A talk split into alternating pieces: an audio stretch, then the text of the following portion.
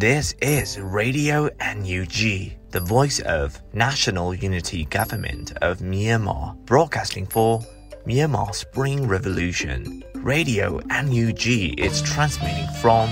shortwave 16 meter 17.79 megahertz at 8:30 a.m. and 25 meter 11.94 megahertz at 8:30 p.m. Myanmar Standard Time. မင်္ဂလာပါခင်ဗျာ အမျိုးသားညီညွတ်ရေးအစိုးရရဲ့အတန်လွင့်ဌာန Radio NUG ကိုမနက်ပိုင်း၈နာရီခွဲမှာလိုင်းတို16မီတာစက္ကန့်တက်သမ9 MHz ညပိုင်း၈နာရီခွဲမှာလိုင်းတို25မီတာ17တက်သမ6 MHz တို့မှာဓာတ်ရိုက်ဖမ်းယူနိုင်နိုင်ပါပြီမင်္ဂလာအပေါင်းနဲ့ပြည့်စုံကြပါစေအခုချိန်ကစပြီး Radio NUG အစီအစဉ်တွေကိုဓာတ်ရိုက်အတန်လွှင့်ပေးနေပါပြီ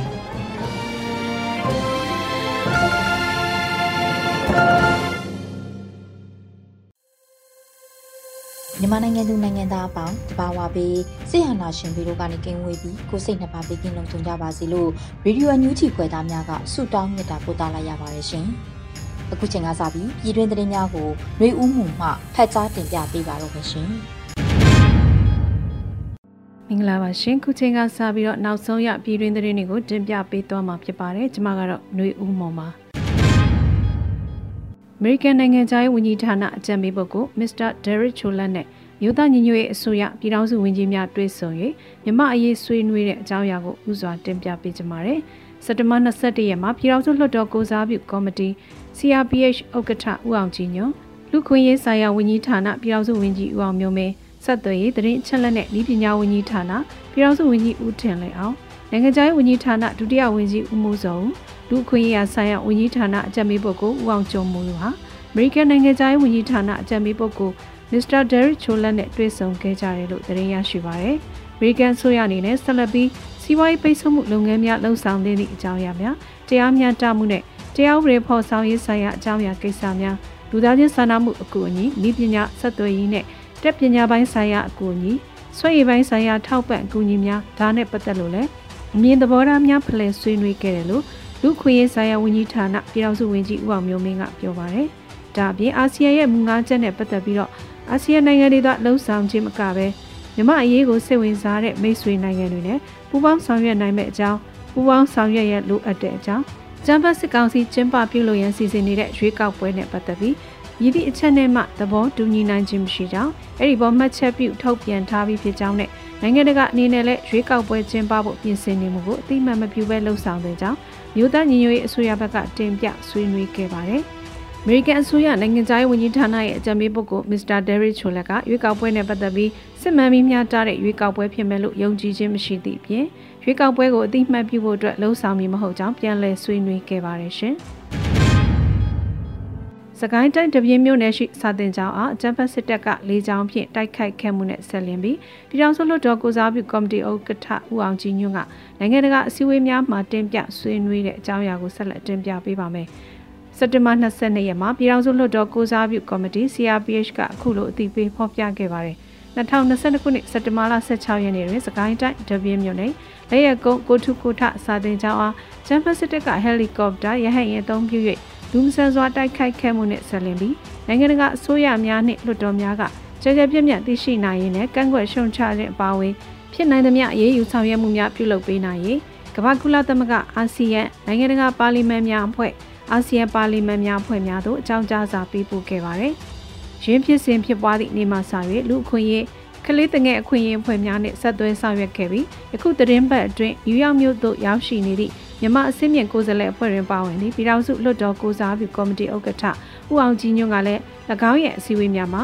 ရင်းလူမဆန်တဲ့ဆရာစုမှုအားဦးစားပေး၍ထည့်သွင်းဆွေးနွေးခဲ့ပါတယ်လို့ဖော်ပြပါတယ်။ကျမ်းပတ်စစ်ကောင်စီရဲ့လူမဆန်သောလေကြောင်းတိုက်ခိုက်မှုကြောင့်ကျောင်းသားကျောင်းသူအနည်းဆုံး6ဦးသေဆုံးခဲ့ပြီးအများအပြားပြင်းထန်စွာထိခိုက်ဒဏ်ရာရရှိခဲ့ပါတယ်။ဒါအပြင်လေကြောင်းတိုက်ခိုက်မှုပြုလုပ်ပြီးနောက်မြေပြင်စစ်ကြောင်းမှစာသင်ကျောင်းရှိဒဏ်ရာရရှိသူများအပါအဝင်ကျောင်းသားကျောင်းသူများဆရာဆရာမများ20ဦးခန့်ကို ဖမ်းဆီးခေါ်ဆောင်သွားခဲ့တယ်လို့သတင်းရရှိပါတယ်။ဇမ်ဖတ်စစ်တပ်အာဏာသိမ်းရန်ကြိုးပမ်းမှုနောက်ဂျမ်ဖတ်စစ်ကောင်စီတပ်ဖွဲ့ဝင်များကလူနေအိမ်များစစ်ပေးရှောင်စခန်းများသို့ပုံကျဲတိုက်ခိုက်ခြင်းတနက်ဖြစ်ပစ်ခတ်ခြင်းများကြောင့်ကလေးတငယ်350ဦးခန့်သေဆုံးခဲ့ရပြီး1500ဦးခန့်မှမတရားဖမ်းဆီးခံထားရလျက်ရှိတယ်လို့ဆိုပါတယ်ရှင်။ နွေဦးတော်လန်ရေးအောင်ပွဲနေနေပြီဖြစ်၍စီရီယမ်များတောက်ခံထားကြရန်ပြည်ထောင်စုဝန်ကြီးဒေါက်တာဇော်ဝေဆိုပြောကြားတဲ့သတင်းကိုဆက်လက်တင်ပြပေးပါမယ်။စက်တင်ဘာလအတွင်းစီရီယမ်များနဲ့ပတ်သက်၍ပြောကြားရမှာပြည်ထောင်စုဝန်ကြီးဒေါက်တာဇော်ဝေဆိုကအခုလိုဆိုပါတယ်။အရင်ဆုံး CDM နဲ့တောင်းခံထားဖို့လိုမယ်ကျွန်တော်တို့ရဲ့အောင်ပွဲဟာနီးနေပြီကျွန်တော်တို့ရဲ့အနာဂတ်ကျွန်တော်တို့ရဲ့အတိုင်းပြည်တည်ဆောက်နိုင်မယ့်အချိန်ရောက်တော့မယ်လို့ကျွန်တော်ပြောချင်တယ်လို့ဆိုပါတယ်2021ခုနှစ် February 10ရက်နေ့ဆီယနာသိန်းရာတွင် ဆီယနာရှင်ဆက်ကြီး CDM လှုပ်ရှားမှုကိုပညာရေးနဲ့ကျန်းမာရေးဝန်ထမ်းသိန်းနဲ့ချီကပါဝင်ခဲ့ပါတယ်ရှင်။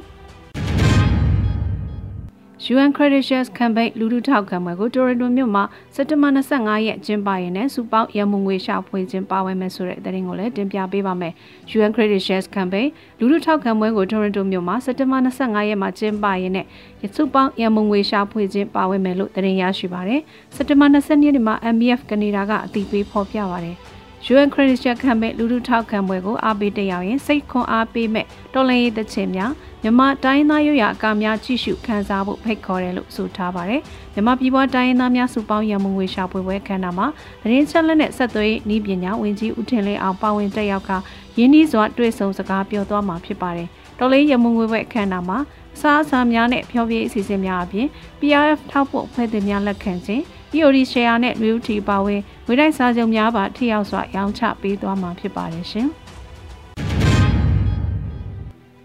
မြန်မာနိုင်ငံမှာစစ်ကောင်ဆောင်တွေကဒီမိုကရေစီရေးတက်ကြွလှုပ်ရှားသူတွေနဲ့လူနည်းစုတိုင်းရင်းသားတွေအပေါ်တုံ့လှုပ်စရာကောင်းလောက်တဲ့ရက်စက်မှုမျိုးတွေကျူးလွန်နေတယ်လို့ကုလသမဂ္ဂမှာအမေရိကန်သမ္မတဂျိုးဘိုင်ဒန်ထုတ်ဖော်ပြောဆိုတဲ့အကြောင်းအရာကိုဆက်လက်တင်ပြပေးပါမယ်။အမေရိကန်သမ္မတဂျိုးဘိုင်ဒန်ကကုလသမဂ္ဂအထွေထွေညီလာခံမှာမိန့်ခွန်းတက်ရောက်ပြောကြားရမှာခုလိုထည့်သွင်းပြောဆိုခဲ့ပါတယ်။မြန်မာခေတ်2022ခုနှစ်လိုကာလမျိုးမှာတော့ကဘာကြီးရဲ့အစိပ်အပိုင်းတိုင်းမှာအခြေခံလွတ်လပ်ခွင့်တွေကအနည်းငယ်ကြာရောက်နေပါပြီ။ တရုတ်နိုင်ငံရှမ်းကျင်းဒေသကလူခွင့်ရေးချုပ်ဖောက်မှုတွေကိုကုလသမဂ္ဂနဲ့အမေရိကန်စစ်မြစ်ကော်မရှင်တွေရဲ့စီရင်ခံစာတွေမှာအသေးစိတ်ဖော်ပြထားပါတယ်။မြန်မာနိုင်ငံမှာစစ်ကောင်ဆောင်တွေကဒီမိုကရေစီရေးတက်ကြွလှုပ်ရှားသူတွေနဲ့လူနည်းစုတိုင်းသားတွေအပေါ်တုံ့လုံစရာကောင်းလောက်တဲ့ရက်စက်မှုမျိုးတွေကျူးလွန်နေတယ်လို့ဆိုပါတယ်။ပြည်သူတွေပေါ်ရဲရဲဆက်ဆက်ကျူးလွန်နေတာတွေအပါအဝင်ကမ္ဘာနိုင်ငံကလူခွင့်ရေးချိုးဖောက်မှုတွေကိုမျက်ကွယ်ပြုမထားကြဖို့အမေရိကန်သမ္မတကတိုက်တွန်းခဲ့ပါတယ်ရှင်။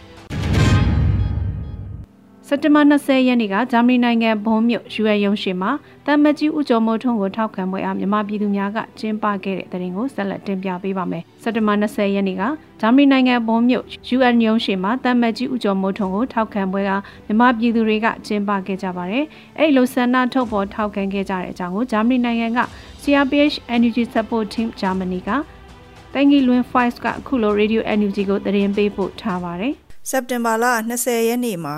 ဂျာမနီနိုင်ငံရောက်မြန်မာပြည်ပွားဒီမိုကရေစီအရေးတက်ကြွလှုပ်ရှားသူတွေမြန်မာအရေးထောက်ခံအားပေးတဲ့ဂျာမန်နိုင်ငံသားတွေစုစည်းပြီးတာမတ်ကြီးဦးကျော်မိုးထွန်းကိုတရားဝင်ကိုယ်စားလှယ်အဖြစ်ဆက်လက်ခံထားရေးအတွက်ဘွန်မြို့က UN ရုံးအရှိမဆန္ဒထုတ်ဖော်ခဲ့ကြပါတယ်။ဒါအပြင်ပါဝင်ခဲ့တဲ့သူတွေရဲ့လက်မှတ်တွေကိုစုစည်းပြီး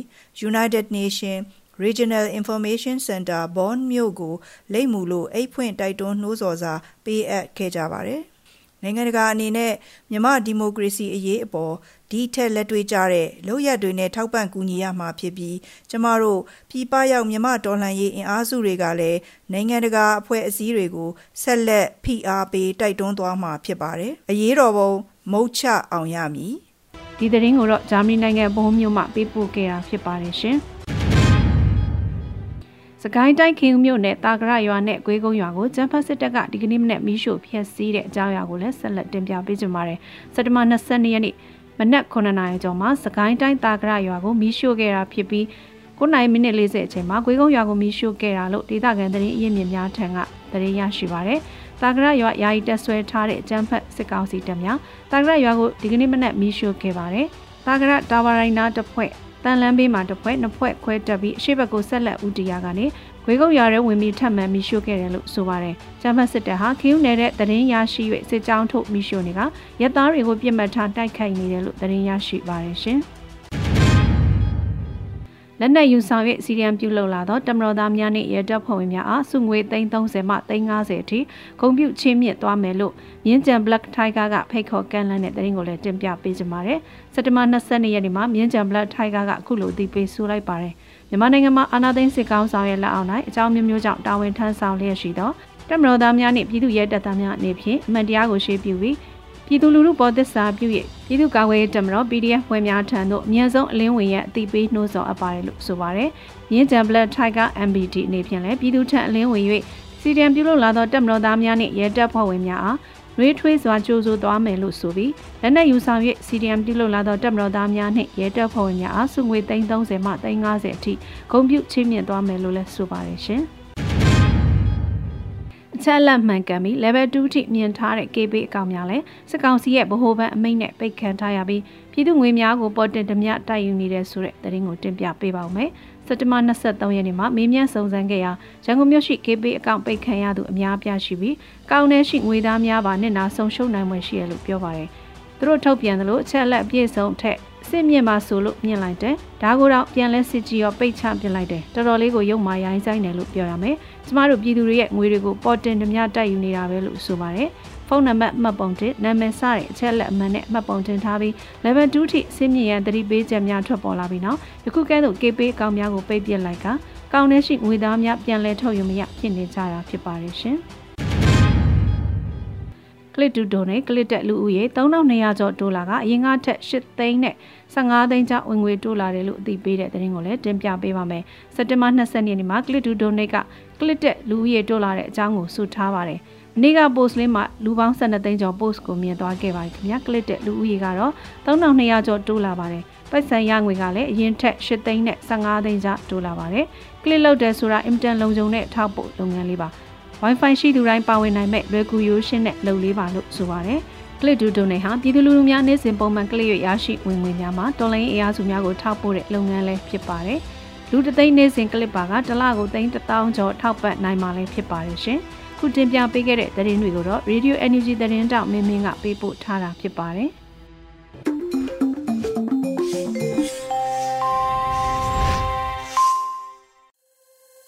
ရေဒီယိုအန်ယူဂျီမှာဆက်လက်တင်ပြနေပါတယ်။ဒီနေ့ရဲ့တော်လန်ရေးကဗျာအစီအစဉ်မှာတော့မင်းကိုနိုင်ရဲ့တမိုင်းတိရေးမဲ့လက်များလို့အမည်ရတဲ့တော်လန်ရေးကဗျာကိုနားဆင်ကြရတော့မှာဖြစ်ပါတယ်ရှင်။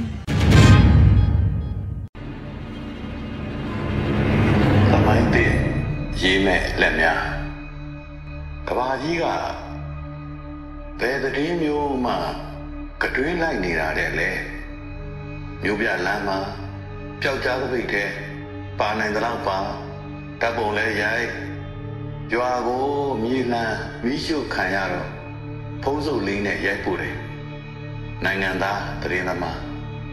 ကဘာမြေတနေရာကဒါကိုရရှိကြောင်းအကြောင်းပြန်အမှုတွဲဖိုင်တစ်ဖွင့်ပြီးဘယ်လန်းတဲ့စခဘယ်နှစင်းဝင်လာဘလောက်ပါတယ်တွေ့လို့တင်းရှေးခြင်းသူတွေနဲ့ပြည်တွင်းပြည်ပ ညီညာနိုင်သောလက်တွေရဲ့ကြက်တရေရှိတဲ့ဝကြများ21ရာစုမှာကြီးရည်လေးစစ်တပ်ကြီးကိုတူမီးနဲ့တော်လှန်တာဘယ်နိုင်ငံမှာကြုံဘူးလဲဘယ်သမိုင်းမှာသင်ဘူးလဲနိုင်ငံသားမှာကိုပညာနဲ့ကိုနေနိုင်စားနိုင်ကောက်ရိုက်ပြနေရကကောက်ဆိုင်သမားတွေလိုတကုံကုံ ဘာတွေကြော်လော်ချက်နေသလိုလာစဉ်ဒေါ်လာတစ်ထောင်လူရလဲအားမရနိုင်ပါအောင်ဆိုမှတော့ညုံများတို့ညံများပုံတသက်လုံးလင်းတဲ့သားတွေကိုကြက်ဥသာကြော်ကျွေးတဲ့မိန်းမကခုတော့ရမုံငွေဈေးအောင်ပွဲမှာကဘာမှမရှိဘူးတဲ့မင်းမျိုးအသေးရတဲ့ငါဆိုရင်ငမြင်းငဒန်ကကတိလို့ ငတလဲတို့ခုတ်သားရှိတဲ့ထင်သူကမိနုအစ်စ်ထွင်ချလိုက်ပြီရှင်ကနေဆက်ဖို့ဂျမကအတွင်းနဲ့စီဒီယန်ပို့မယ်ဇနီးမောင်နှံကိုတန်ရကိုပို့အလစ်မှာနည်းနည်းပို့ပို့ပို့ကိုဗစ်တုန်းကဝယ်စုထားသမျှအစားအစာတွေအဖေပို့မဲ့အထုပ်တွေဟိုးမကလေးတွေခက်နေပြီဆိုတာနဲ့ယူစေလူစေပူမနေဘူး နောက်တစ်ခါပြန်ဝဲတယ်ဟေးနောက်တနေရာလိုပြန်ပြီဟေးလူတဲ့ဟေးယူလေးရကုထမနဲ့အိုးကြီးကွဲမှလူတာမဟုတ်တရားကြည်ပြူဆိုတာဒါကိုခေါ်တာ fundraising မှာလက်လွန်ကြက်သွန်တွေခဏခဏဒီကိစ္စနဲ့ပတ်သက်ပြီးလင်မယားတရလဲတန်ပါတယ်တဲ့သုံးဖြုံကြီးငါသမီးကတ်စည်းပါကြောင့်နေသွားရ မရှိမဖြစ်ကလွဲဘာမှစိန်ခံမဝယ်တော့ဘူးလူစရာတွေအများကြီးမှာတယောက်တည်းကောင်းကောင်းစားလှလှလေးနေရတာလေးပြမလုံးပါဘူးအမေယာဒီလိုသမီးအများကြီးထီလက်မှတ်တွေရောင်းမယ်ဟေးဝယ်တယ်ဟေးဝယ်တယ်ဟေးရက်ဖက်တစ်ကရောင်းတယ်ဟေးဝယ်တယ်ဟေးဝယ်တယ်ဟေးမပေါက်လဲပျော်ပေါက်လဲပျော် လူပြည့်ချင်းသာတို့လိုရင်းกว่าအမိမြေကိုချစ်ချင်းများနဲ့ပြည်သူတွေပလတ်စတစ်အိတ်လေးတစ်ထွာတစ်ညို့တဲ့အကြိုက်ခဲပြောက်စီးပိုးသက်စီးနဲ့ပလတ်စတာတစားတို့နဲ့မုံချောက်ပါတယ်ပိုက်ဆံကလေး9000တောင်းလည်းပါတော့ဘယ်ကမွေမွေတို့ကလေးပဲကလေးတွေလာရင်ပေးကျင်လို့တဲ့။ အော်တို့ပြည်သူတွေပြည်သူတွေအဲ့ဒီကအားသေးတဲ့အားပေးမယ်တဲ့။ဗိုက်တာမင်အပြည့်နဲ့စကားတွေစိတ်မကြနဲ့ပြန်တင်လက် live နဲ့ပြီးတွဲခေါ်ပြီးခရီးကြမှာဘယ်သူ့ကိုမှလဲကြံမခံအရာတွဲထူကန်းခေါ်ယူပြီးပြည်သူတွေပြည်သူတွေမြတ်သောပြည်သူတွေ စီရီယန်သားသမီးများကိုအခမဲ့တင်ပေးပါရစေ။ online သင်တန်းနဲ့စေတနာဝန်ထမ်းတွေပြည်သူတွေပြည်သူတွေမြတ်သောပြည်သူတွေ click to donate တဲ့ click နေပြီးကိုငွေရှာကြတဲ့အခါကွန်ပျူတာ laptop တွေပတ်လည်ထောင်းသားသမီးတော်ဘေးမဆိုင်နိုင်တဲ့ကလေးတွေဝမ်းမနေပါဘူး။ကြေကွဲစရာတွေ သူတို့ဖြစ်အထိအရောက်မခံဤပညာနဲ့အာခံနေတာသူတို့သိတယ်ဒါကမြို့လေကောင်လေးဘက်ထောက်အကန်ခံရတဲ့မိန်းကလေးတယောက်ရဲ့ဂုံတိတ်ခါအတွက်ဒါကလက်သုံးချောင်းထောင်ရင်းဖူးရောင်နေတဲ့မျက်နှာကထီမထင်မျက်လုံးတွေနဲ့လဲကျသွားတဲ့သားနှစ်ယောက်တွေခံမြင်တဲ့မျက်ရည်မှန်တင်းတဲ့မျက်ရည် သမိုင်းတည်ရေးမဲ့လက်တွေအိုးကျွန်းနိုင်ငံကလေးမှာအဲ့ဒီအကူအလုံးလုံးရရှာသူကလေးမှာတပတ်မှာတရက်နားရက်ရတာကိုအဲ့အကူလာလို့ပေးပြစီလူချင်းလို့လို့ပါတဲ့နိုင်ပိုင်းအတွင်းခေါ်သူအပြည့်လူငယ်လေးတွေကလည်းအဲကွန်ပြတတ်တဲ့လူအားကပြန်လူချင်းလို့ခေါ်ပါပြုဆိုတာနဲ့ မိနစ်ပိုင်းအတွင်းဝိုင်းခေါ်ကြဝန်ရပြည်သူတွေဒီလိုညီတဲ့ပြည်သူတွေဘယ်ဒေါ်လာရေးမှရှိဘူးကြတယ်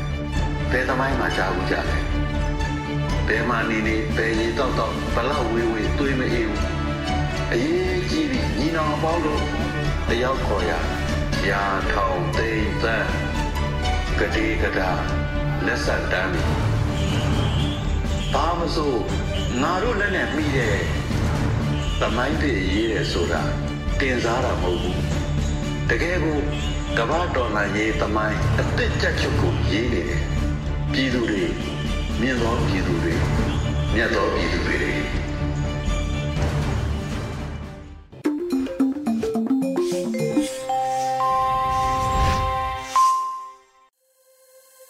ရေဒီယိုမြူးချီမှာဆက်လက်တင်ပြနေပါတယ်။အခုဆက်လက်ပြီးအမျိုးသမီးကဏ္ဍအနေနဲ့ တော်လှန်ရေးရဲ့အောင်မြင်ခြင်းအလှကပအပိုင်း24ကို Flora Han မှတင်ဆက်ထားတာကိုနားဆင်ကြရတော့မှာဖြစ်ပါတယ်ရှင်။အားလုံးပဲမင်္ဂလာပါရှင်။ယခုတစ်ပတ်အမျိုးသမီးများကဏ္ဍမှာ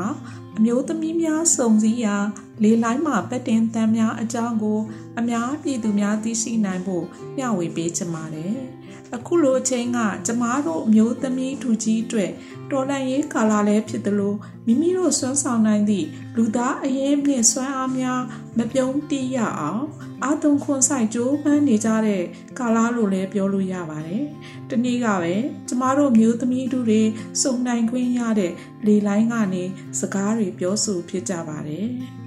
ဈေးရောက်ဈေးဝယ်လုပ်ပြီးတိုက်ပွဲဝင်သူရဲကောင်းဆရာမလေးကမရဲ့ကုံစိမ်းနှုံးတွေကကြီးလိုက်တာအတော်ကိုခက်ခဲကြက်တဲလှတယ်ဆိုတာမျိုးလဲပြောပြလေရဲ့ကျမအတွက်တော့စိတ်မကောင်းရသည့်အပြင်သမီးလေးနဲ့ဘဝတိုက်ပွဲပြည်သူတိုက်ပွဲဝင်မိခင်တယောက်ကိုအားပေးစကားပြောဆိုနိုင်ခွင့်လေးရှိနေတာလေကိုပဲကိုကိုကိုကျေးဇူးတင်ရမလို့ဖြစ်ရပါတယ် ကျေးဇူးတင်ကျေးဇူးတရားလို့ပြောတော့လဲမိဟိုဖဟိုတွေနဲ့ရုံးကန်တိုက်ပွဲဝင်နေသူတွေရဲ့အခက်ခဲကလည်းခြံထားလို့မရပါဘူးအခက်ခဲမျိုးစုံနဲ့အတူစေးဖို့ခက်ခဲကစားလို့ဂျေဇုရှင်မိခင်ဖခင်ကြီးတွေအတွက်ရုန်းကန်နေရတဲ့မျိုးသမီးတို့ကြီးကလည်းကျမတို့ဒေါ်လန်ရေးပြည်သူတွေထဲမှာများပြားလာတဲ့အင်အားစုကြီးမှာပါဝင်နေကြရပါတယ်အ ခုလိုပဲဒေါ်လန်ရေးကာလမှာအခက်ခဲမျိုးစုံကိုပါဇက်ကနေကျမတို့အမျိုးသမီးတွေကတယောက်ကိုတယောက်ရင်ဖွင့်တိုင်ပင်ကြပြီးမိမိတို့လုပ်ရမယ့်အလုပ်ကိုလက်တွေ့ကြကြအကောင့်ထဲပေါ်နိုင်ကြတာလဲကျမတို့အမျိုးသမီးတူကြီးပါပဲကျမတို့ရဲ့လက်တွေ့ဘဝတွေကလည်းတယောက်နဲ့တယောက်ဇွဲတတိဝရိယတွေတူညီနေကြတာလဲဂုံယူရမှာဖြစ်တယ်လို့ မိမိတို့ဘဝတွေကိုရေလောင်းပေါင်းတင်ရှင်သန်အောင် ပြုစုပြိုးထောင်နိုင်ကြသူများဖြင့်လက်တွေ့ဘဝတွေမှာတွေ့မြင်ကြလို့အမြဲကျမအတွက်မျိုးသမီးတူကြီးကိုစားဝမ်းသာပီတိဖြစ်ရပါတယ်။မနေ့ကတော့ကျမလိုမိခင်တရားအတွက်သာမဟုတ်ရပဲကိုချင်းစာတရားကိုလက်ကင်ထားတဲ့မိခင်တိုင်းအတွက်ကြေကွဲဝမ်းနည်းစရာအဖြစ်ဆိုကြမိခင်တိုင်းအပြစ်မဲ့တဲ့ကလေးတွေရဲ့ အသက်တွေဆုံးရှုံးလိုက်ရတဲ့အဖြစ်ပြက်ပေါ်မှာမခံကျင်စိတ်တွေဖြစ်ရပါတယ်ဒီလိုပါပဲကျမတို့မြန်မာနိုင်ငံမှာယနေ့ဖြစ်ပျက်နေတဲ့အခြေအနေများကမိခင်တိုင်းအတွက်ကြေကွဲဝမ်းနေရတယ်လို့ကျမတို့ကလေးတွေအတွက်ဘလောက်တောင်အနာဂတ်မဲ့ပြီးလူသားတိုင်းရရမဲ့အခွင့်အရေးတွေဆုံးရှုံးနေကြပြီဆိုတာကြည်တက်မြင်တက်ဖို့အများကြီးလိုအပ်နေပါပြီ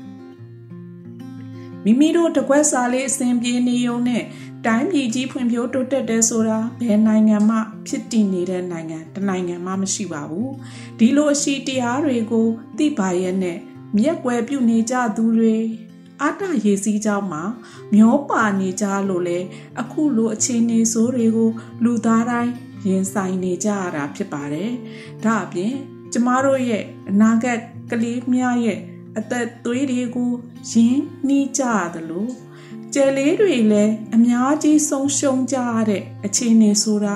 ပြည်သူကိုပြည်သူချစ်ကြသူတိုင်းသိနေကြပါတယ်။ယနေ့အချိန်မှာဆိုရင် ကျမတို့ပြည်သူတွေခံစားနေရတဲ့ကုံစိမ်းနှုံကြီးလို့မနှက်မှန်တော့တဲ့စာဝတ်နေရေးဘဝတွေနေရာဒေသတွေမှာခိုးဆိုးလူရဲလို့မလုံခြုံတော့တဲ့ပြည်သူတွေအပြစ်မဲ့ပြည်သူတွေကို အာနာဆိုတဲ့ရင်မှုမှုမှာ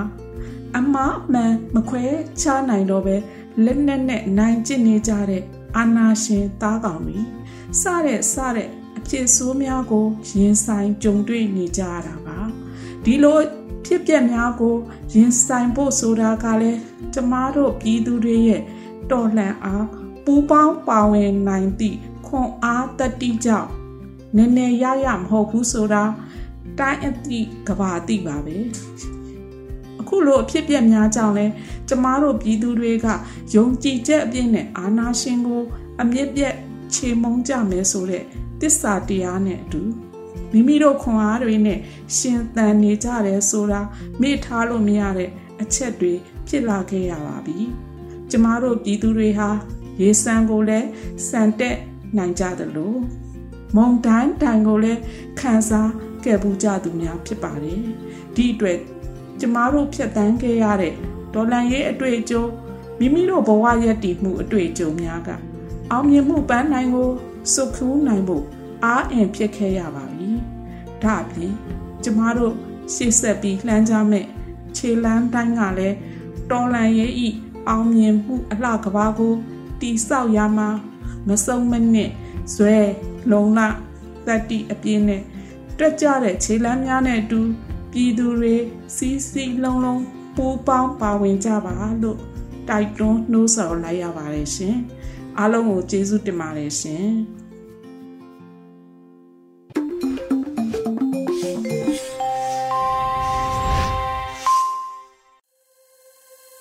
ရွရွညူချီပရိသတ်တွေအတွက်ကူးဆက်လက်ပြီးထုတ်လွှင့်ပေးမယ့်စီစဉ်ကတော့တယောစာကဏ္ဍအနေနဲ့တက်ပြက်လူလူဖို့တက်ပူအပိုင်း63ကို အောင်နေမျိုးမှတင်ဆက်ထားတာကိုနားဆင်ကြရတော့မှာဖြစ်ပါတယ်ရှင်။ဒီဘက်ကတော့ဆယ်မွန်ငါးတို့အပြန်ပဲမွေးရဒေတာရေကြိုကိုစွန့်ပြီးပင်လယ်စီကိုစွန့်စွန့်စားစားခီးသွားခဲ့တဲ့ငါးတွေအချိန်တန်တော့ကိုဒေတာကိုစွန့်စွန့်စားစားပဲပြန်လာကြရတယ်